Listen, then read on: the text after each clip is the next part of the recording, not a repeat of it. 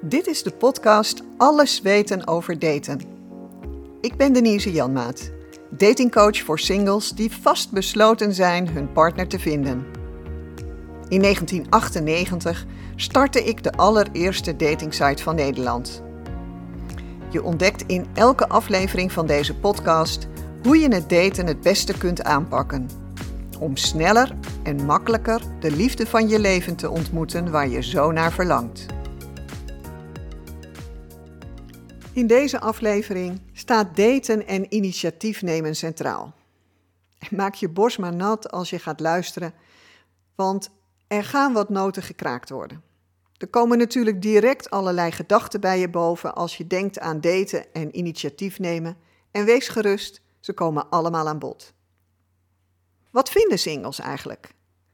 Het bijzondere is dat de singles die ik spreek bijna allemaal aangeven dat ze het belangrijk vinden dat de ander initiatief neemt of ook initiatief neemt.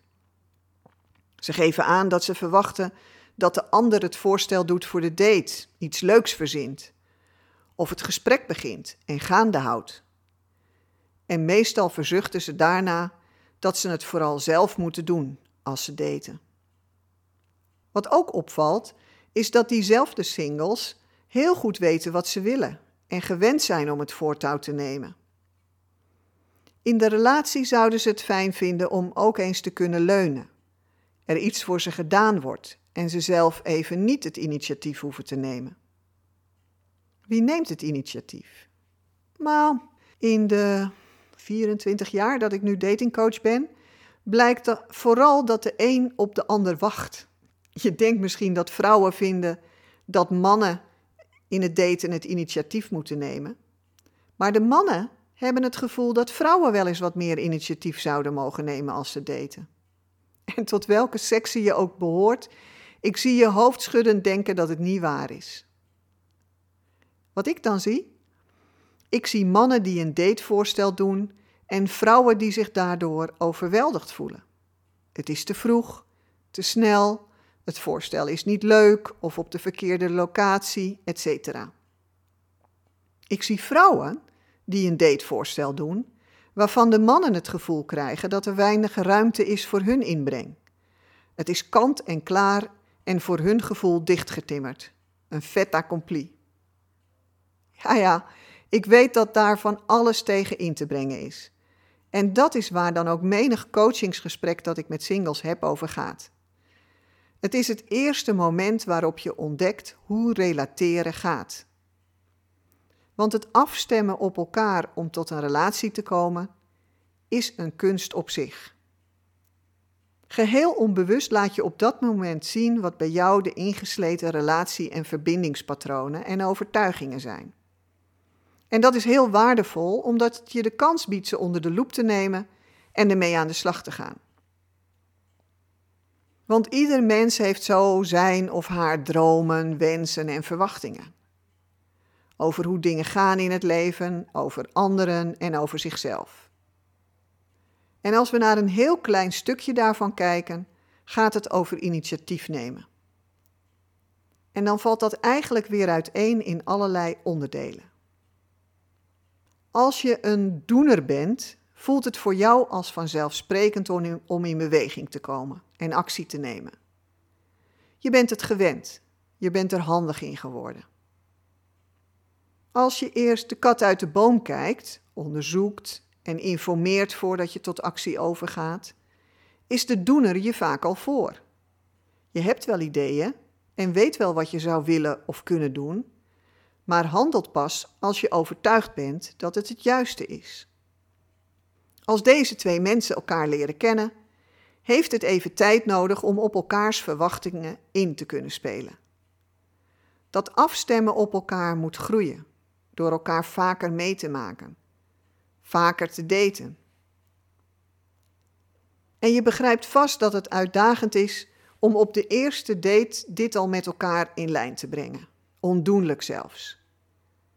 En het is je waarschijnlijk nu ook duidelijk waarom het voor de hand ligt dat de singles verzuchten dat ze iets anders van de ander verwacht hadden. Het maakt ook helder waarom ik singles meestal adviseer om twee dates af te spreken, zodat je elkaar nog een keer ontmoet voordat je tot een keuze komt over het vervolg. Aan initiatief nemen zit ook een andere kant. Sommigen vinden het spannend of eng om te daten en initiatief te nemen.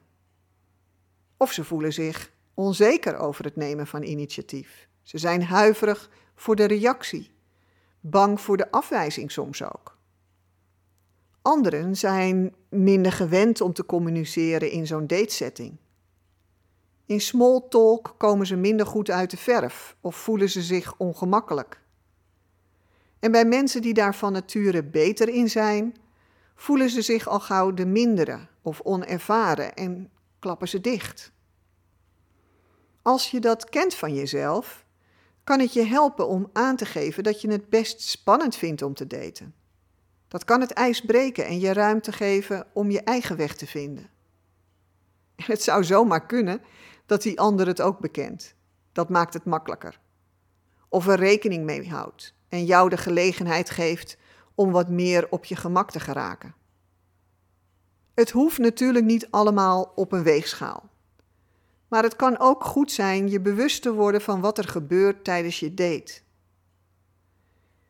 Is de ander wat stiller dan jij, dan kan het helpen om een paar open vragen te stellen om de ander aan het woord te laten. Net zoals gewoon eens een stilte laten vallen om de ander de ruimte te geven, even tijd te nemen om iets te vertellen goed kan werken. Voor degene die zich ongemakkelijk voelt bij de stortvloed aan verhalen van zijn of haar date, is het behulpzaam om bij het luchthappen van de ander eens te vragen wat hij of zij van jou zou willen horen of willen weten. En dan is het natuurlijk wel zaak dat je jouw ruimte ook inneemt. Met de singles die dat lastig vinden, oefenen we dat in de datingcoaching al, zodat je er vertrouwd mee raakt. Bij daten en initiatief nemen gaat het ook over je bewust worden waar jouw lat ligt. Welke eisen stel je? Zijn die reëel? Of ben je super streng als het om een date gaat? Kun je ook buiten de lijntjes kleuren of is het zwart-wit?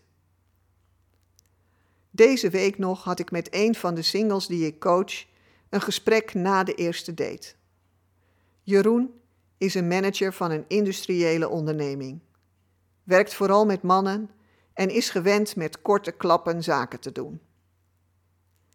In de voorbespreking van zijn eerste date bleek dat hij echt moeite had gedaan om een aantal gespreksonderwerpen uit te werken en had hij zich goed verplaatst in zijn date.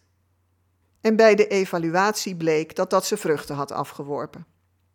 Hij had een leuke date gehad waarin ze allebei hadden kunnen vertellen over hun belevenissen tijdens hun reizen en het gesprek had ook diepgang gekregen.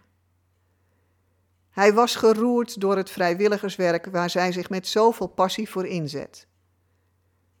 En zij gaf aan genoten te hebben van zijn verhalen over de uitjes met zijn neefjes waar hij met zoveel plezier over vertelde. Jeroen had het gevoel dat er een goede balans in het gesprek was geweest en had zich ook kunnen laten zien zoals hij graag wilde. Zijn date gaf aan dat ze verrast was door hun relaxte wandeling en de fijne sfeer. Ze was wel heel eerlijk toen ze hem vertelde dat hij niet het type bleek dat ze gehoopt had. Maar niettemin had hij haar kunnen overtuigen dat het de moeite waard was om nog een tweede date af te spreken. Ze zien elkaar vandaag, dus ik ben benieuwd wat hij me morgen vertelt over hun uitje naar het strand. Maar wat voelt de ander nou? Of je nu al dan niet het initiatief genomen hebt, de ander voelt hoe jij erin staat. Of jij ervoor gaat om van de date een succes te maken of niet. Of je degene bent die het voortouw neemt of degene die eerst de ruimte aan de ander geeft. Je kunt altijd laten blijken of je nieuwsgierig bent naar de ander. Of je meer wilt weten. En dat blijkt onder andere uit jouw houding. Hang je bij wijze van spreken onderuit gezakt in je stoel? Kijk je tijdens het wandelen alleen naar het pad? Of heb je misschien wel een geïnteresseerde houding? Maak je af en toe oogcontact als je al pratend door het park loopt? Hoor je wat er wordt verteld en haak je erop in? Of begin je plotsklaps over een totaal ander onderwerp? Wat ik hoop is dat je voelt dat het initiatief nemen op zich niet zozeer de issue is. Het gaat veel meer om hoe jullie je tot elkaar verhouden in de date. Waar jij zelf staat en waar de ander. Met welke insteek je gaat daten en wat je ervan wilt maken. Kijk gerust eens wat je bij jezelf daarover ontdekt. En als je dat met me wilt delen, kun je altijd klikken op de knop contact op de site. Of misschien nog een vraag stellen die ik in een andere aflevering kan toelichten. Een fijne dag.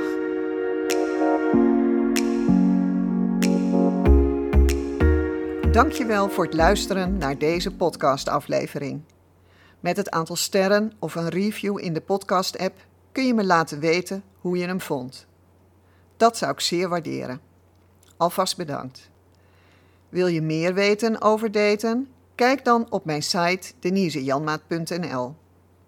Daar kun je mijn gratis e-book downloaden en lezen hoe ik je bij het daten kan ondersteunen. Je kunt daar via de knop contact ook een suggestie doen voor een onderwerp in deze podcast of een vraag stellen die ik in deze podcast kan behandelen. Wil je vaker luisteren naar een aflevering van Alles weten over daten? Abonneer je dan op deze podcast via de knop abonneer of subscribe in je podcast-app. Ken je iemand voor wie deze podcast ook interessant is? Deel hem dan gerust via social media of de delen knop in je podcast-app. Graag tot de volgende aflevering.